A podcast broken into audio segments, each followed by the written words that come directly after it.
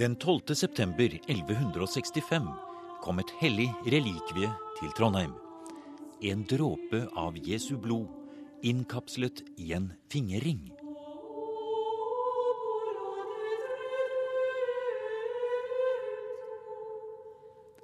Blant alle relikvier var en slik dråpe av Frelserens blod den aller viktigste en katedral kunne ha i katolsk tid. Um, jeg kan bare begynne med, med uh, denne sang. Ja.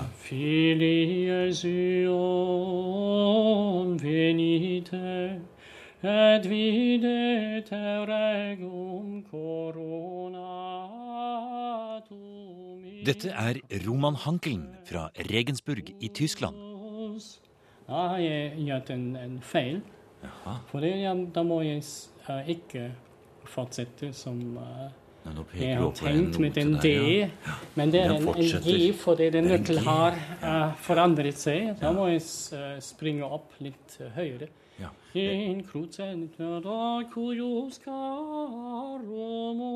Hankelen har i mange år studert gregoriansk sang og skal etter hvert ta oss med inn i Nidarosdomen for å la oss høre klangen av tidlig norsk middelaldermusikk. Helt fram til for noen få år siden trodde man at det eneste vi hadde av noter og tekst til norsk gregoriansk kirkemusikk, var fragmenter til en annen av de store messene i Nidarosdomen, Olavs offisie. Men så viste det seg at store deler av korboken til Fingergulloffisie var bevart i København. Senter for middelalderstudier i Trondheim publiserte i 2004 en stor gjennomgang av dette sjeldne manuskriptet. Og her holder Hankelen og Gisela Attinger på å studere lysbilder av de flotte pergamentene i erkebispegården. Ja, her kan du se disse små prikkene her. Ja. Det er nålehull. Ja. Selve manuskriptet ble brukt som innbindingsmateriale, som omslag, til regnskaper til et studenthjem i København. Og da ble det sydd fast bak i margen. Og disse hullene kan vi se nå i dag. For hva er egentlig skal vi si, den eh, konkrete historien til selve dokumentet? Altså selve disse pergamentene som vi vel tror ble skrevet her i erkebispegården i, i Trondheim. Som vi ikke vet helt når heller, men en eller annen gang etter 1165 og fremover i en hundreårs tid har dette blitt skrevet. Vi vet omtrent når dette manuskriptet ble skrevet, men hvor gammel innholdet er, er vi usikre. Dette her er andre halvdel av 1200-tallet. Mm -hmm. Og det var et stort manuskript, omtrent av treformat, så det ble nok brukt av koret. Et veldig flott format.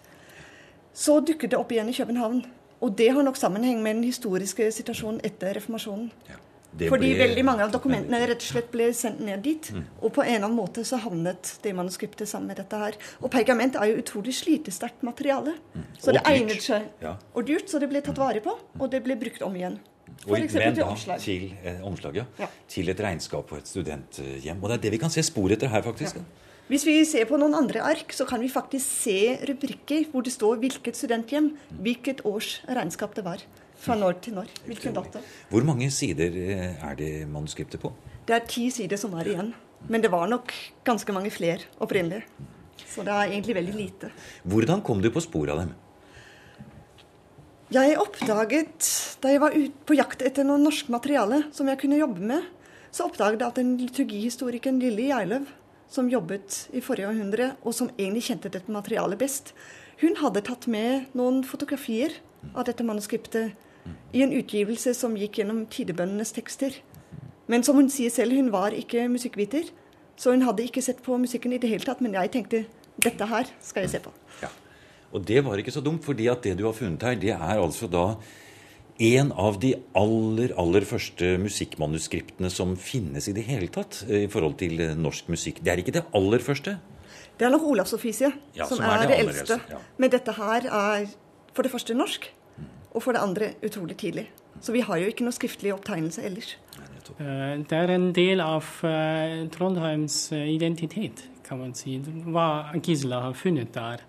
Da må man virkelig vite at den, kanskje den, den også en verdig, verdifull relikvie når vi, når vi, har i dag. Ja, Altså manuskriptet i seg selv er ja, som en ja, ja. relikvie? Fingergull, den ringen har forsvunnet. Ja. Det, det, vet vi ikke, om, men vi har den manuskript her. Og det forteller alt om den 12. århundre og etterpå.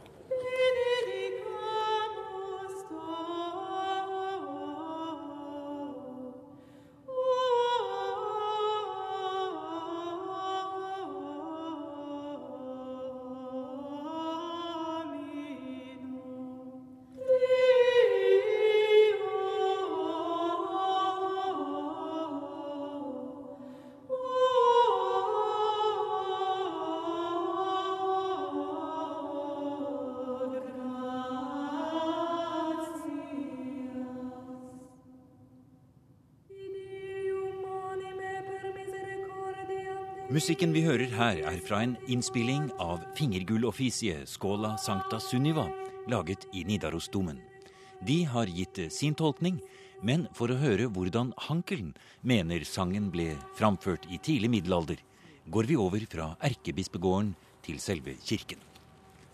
Og dette handler ikke bare om musikk, sier Audun Dybdahl, men om hele den europeiske sammenhengen den liturgiske musikken står i. Jo, det er vel uten tvil et av de viktigste dokumentene man har. Og så er jeg jo veldig glad at vi har fått eh, kontakt med de her tyskfødte ja. ekspertene som kan virkelig sette det her eh, materialet inn i en eh, større europeisk kontekst. For det er klart at Nidaros var jo ikke noe vakuum. Man sto jo relativt nært knytta til kultursentra lenger sør. Vedkommende som skrev dette, kjente til både repertoaret utover det som finnes i Nidarosliturgien, pluss at han kjente til prinsippene bak komposisjonen til helgen og relikvieoffiser. Han kunne dette med hvordan modus skulle brukes, hvordan man hadde begynt å skrive rimoffice i versform. Det vises rett og slett i melodiene, i strukturen. Og det betyr at eh, forfatteren, som jo ikke vet hvem var helt nøyaktig. Eh, fordi det er ikke signert i den forstand. Eh, han må ha, for det er vel en han, må ha hatt en utdannelse i eh, Europas store katedraler. Det er nok ganske sannsynlig at vedkommende har vært ute og reist før han kom tilbake og skrev dette her. Ja. Hvorfor er det ikke signert? Det var ikke viktig. Det var ikke den som skrev som sto i sentrum. Det var musikken og tekstene. Og Hanke, hva vil du si når du synger dette, du fremfører det, du lever deg inn i det? Er det god musikk? Um, det, er, det, er, ingen godt spørsmål. Uh, fordi den uh, musikk var ikke skrevet for å være oppført. Det er en bønn. Ja. Og uh, jeg syns det er en veldig fin musikk, men det er ingen spørsmål om.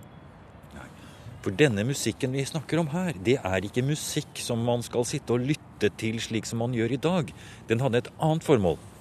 Ja, eh, det var skrevet eller ja, eh, ja la, la, oss si skrevet for en gudstjeneste. Det er en andre form av, av bønne til Gud. Det er rett og slett en bønn? Ja, det kan man si.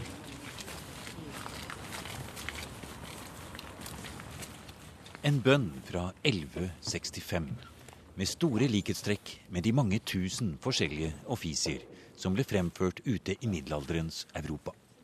Og kanskje var det sånn at utvidelser og byggetrinn i denne store og mektige katedralens historie kan ha direkte sammenheng med at en Kristi blodstråpe kom hit til Trondheim, sier førsteamanuensis Øystein Ekerå.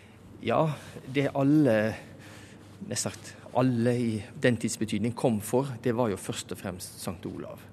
For hans forgylte helgenskrin, det sto jo på Det sto litt lenger oppe Det sto på alteret. Hvis ja. vi går litt lenger inn ja. i midten her, mm. så får vi et veldig fint blikk opp mot hovedalteret. Ja. ja, nettopp. Fantastisk. Nå ser vi det, og det er vel en ja, det er vel en 50 meter øst for her vi står. Ja. En fantastisk kirke. Det er noe borte, men eh, det forsvant i kongens uh, myntverksted i København på 1540-tallet. Men vi har jo kvitteringer. Ja, fra, fra myntmesteren, ja. Ja, ja. det har vi. Men eh, på alteret der sto det Sankt Olavs skrin. Men nå var det jo mange andre alter. Vi kjenner minst 24 forskjellige alter som sto rundt om. Og de var vigsla til forskjellige helgener. Og vi kjenner da til at det man hadde relikvier av mange av disse enten en del av selve kroppen, eller en del av en gjenstand som hadde tilhørt helgenen, eller en del av et klesplagg, eller et eller annet som kunne assosieres med, eh, med helgenen. Eh, det var mange olavsrelikvier, men her var også et skrin med erkebiskop Øysteins skjelett som ble tatt opp av grava. Vi vet det var et skrin med Sankt Bernhard-relikvier, en nokså ukjent helgen. Og så er det naturligvis fingergullet Kristi blod. Ja, altså denne ringen hvor man hadde gjemt en dråpe av Kristi blod. Hvordan gikk man frem i tidlig middelalder der for å være sikre på at dette faktisk var en dråpe av Kristi blod, og at det helt tatt et relikvie var ekte, og at ikke det var nær sagt bløff? Vi kjenner jo nesten ingenting til historien bak dette. Vi vet, det står i en islandsk eh, kilde, en årbok, at det for året 1165 kom Vår Herre Kristi blod til Nidaros. Men på denne tid så var jo Kristi blod-relikvier veldig sjeldne i Europa. Nå eh, er vi på midt, altså midten av 1100-tallet. Det er korstogstid. Vi vet det var direkte forbindelser. Vi vet f.eks. Erling Skakke, faren til Magnus Erlingsson, var jo korsfarer. Det var direkte kontakter. Og det er jo mulig at denne relikvien på en eller annen måte er kommet via Jerusalem. Vi vet jo at eh, f.eks. Sigurd Josefar fikk jo et stykke av Kristi kors, kors ja. som nettopp ble oppbevart ved Jesu grav i Jerusalem. Ja. ja, og hvor havnet eh, den tresplinten for øvrig?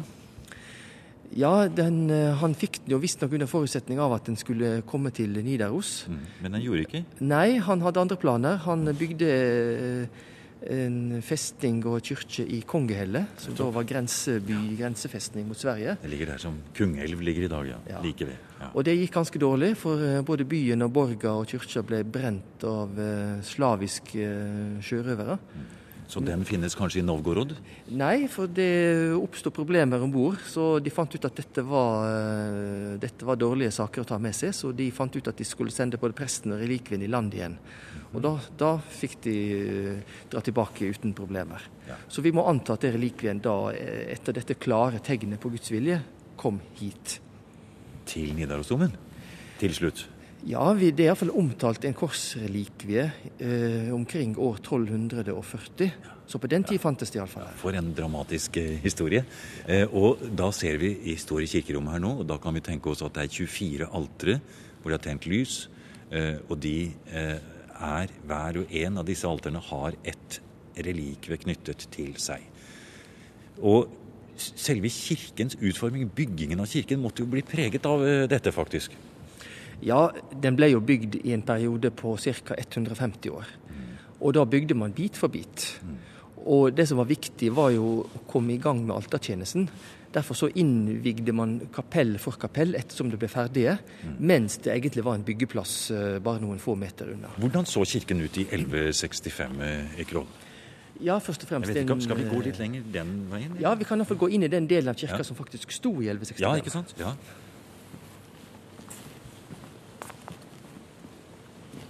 Kunne det tenkes at man eh, gjorde spesielle anstrengelser for å få et nytt og flott relikvie hit i forbindelse med denne utvidelsen? ja, Vi kjenner ingenting sikkert til det, men det er jo helt naturlig at det med en status som erkesete, så hadde man også større ambisjoner. Man hadde naturligvis Sankt Olav, men, eh, men en Kristusrelike f.eks. vil jo absolutt være med på å stadfeste den nye makt og stilling som nå Nidaros hadde fått. Ja. Men også hvis vi går inn i det som faktisk skjedde politisk, så er det veldig viktig at bare det er vel året før så var barnekongen Magnus Erlingsson blitt krona i Bergen. Og han var da blitt krona som den første i Norden. Og han var blitt konge av Guds nåde. Og han tok da riket i len av Gud og Sankt Olav. Og da er det nokså naturlig å tenke seg at det nettopp forbindelsen til altså det kristne, nyetablerte kongedømmet måtte markere sin forbindelse til nettopp Kristus. Og Fins det andre og bedre måter å gjøre det på enn nettopp å ha et, faktisk en del av Kristus ved katedralen, der Magnus Eriksson hadde ofra sin krone?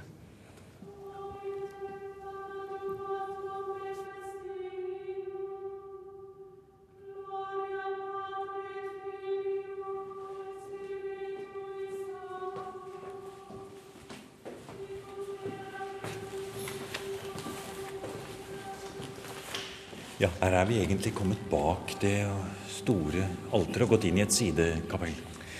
Ja, nå er vi inne i det som har eh, mange navn. Enkelte sier Mariakapellet, andre sier Skrudhuset, men de fleste av oss kaller dette i dag for Kapittelhuset. For det var kapittelhus, altså møteplass for presteskapet fra eh, slutten av 1200-tallet eller noe sånt, helt opp til 1869. For alt vi vet, så kan det ha vært her den munken eller presten eller den lærde har sittet og faktisk skrevet denne, disse notene og dette manuset som vi snakker om her. Det vil jeg tro var veldig sannsynlig. For etter den siste kunsthistoriske granskning så er det jo veldig sannsynlig at nettopp denne bygningen, for det er en frittstående bygning, er reist nettopp for å huse denne Kristi blod-relikvien. Og så er det en del andre merkelige ting. Ser, der ser du et sånt skap i veggen. Det er opprinnelig. Før restaureringen så var det mange her. Under det vinduet der var ett, der var ett. De er tatt bort, der nede var ett. Eh, det var sikkert ett der også, der, vi kom inn. Og her oppe i koret var det hele tre. To, var to av de ene. Små rom inn i ja, altså sju, muren, altså? Sju sånne det vi kaller repositorier, eller egentlig en veggsafe på godt norsk. Nettopp til å oppbevare. Du ser det er en fals, det har stått en dør foran. ja. Og det er jo ikke noe vanskelig å gjette på hva som kunne ha vært der. For det har vært enten da et relikvie eller en annen veldig viktig helligdom, eller en, eh, noe som var så viktig at det ikke kunne stå eksponert ute. Ja, ikke bare én, men sannsynligvis var, var det her man oppbevarte de fleste relikviene. Eh, dette kan vi si ut ifra sammenligning med andre europeiske eh, Det var relikvierom, rett og slett, fordi det, Ja. Dette er altså det man på, på tysk kaller altså Gebautes Reliquienschrein, altså en bygning som i seg sjøl er et relikvieskrin. Eh, altså, som sagt, altså en, en hel katedral. Mm. Altså de store, de store relikvieskrinene de er jo nettopp forma som en, en gotisk bygning. En og, og, for en uh, hellig følelse det må ha vært for middelalderens prester og de som uh, kom hit for å be, f.eks., og stå da inne igjen denne fantastiske lille eh, kirken, som jo dette faktisk er i seg selv, den lille katedralen her, med relikvier rundt på alle veggene, fra kanskje en splint av Kristi kors til Kristi blodstråpe og til andre viktige relikvier. Ja, jeg tror nok at det f.eks. mange av Olavs relikviene de var oppbevart her. her ja. F.eks. hans øks, hans skjorter eh, og andre ting som var assosiert med, eh, med Olav. Og nå skal vi få høre Hanke, hvordan det kunne være eh, å lytte til den fantastiske musikken som du skal synge for oss her nå. Og det er jo en følelse for deg også å kunne synge den her i det rommet hvor det kanskje også er skrevet. Kanskje, ja. Um, klart. Det er alltid en, en, stor opplevelse å synge i, i denne rommet. Ja. Uh, akkurat denne musikk som er, har denne stil av den uh, arkitektur av, av denne tida. Ja. Fantastisk. et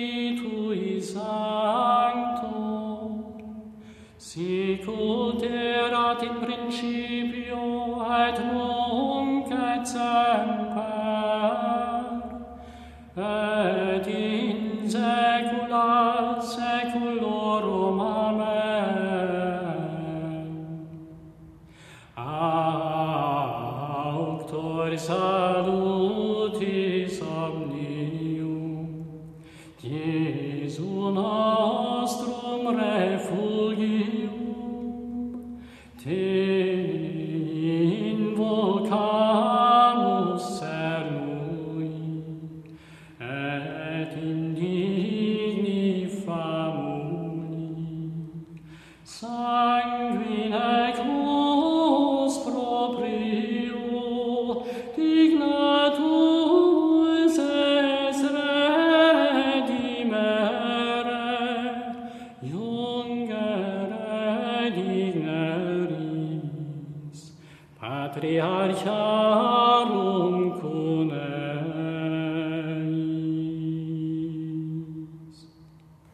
Det var den første sang. Jeg kan presentere gresk.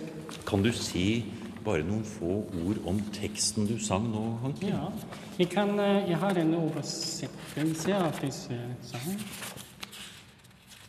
Det lyder slik Opprinnelsen til alles frelse, Jesus vår tilflukt, vi ber deg utmykt, at du er villig til å ta oss opp i patriarkens hærskare, oss, dine uverdige tjenere, som du har ansett som verdige til å frelses med din eget blod.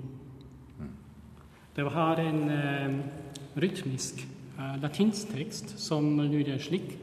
Auctor salutis omnium Jesu nostrum refugium te invocamus cernui et indigni famuli sanguine quos proprio dignatus est redimere jungre dineris patria charum cuneis.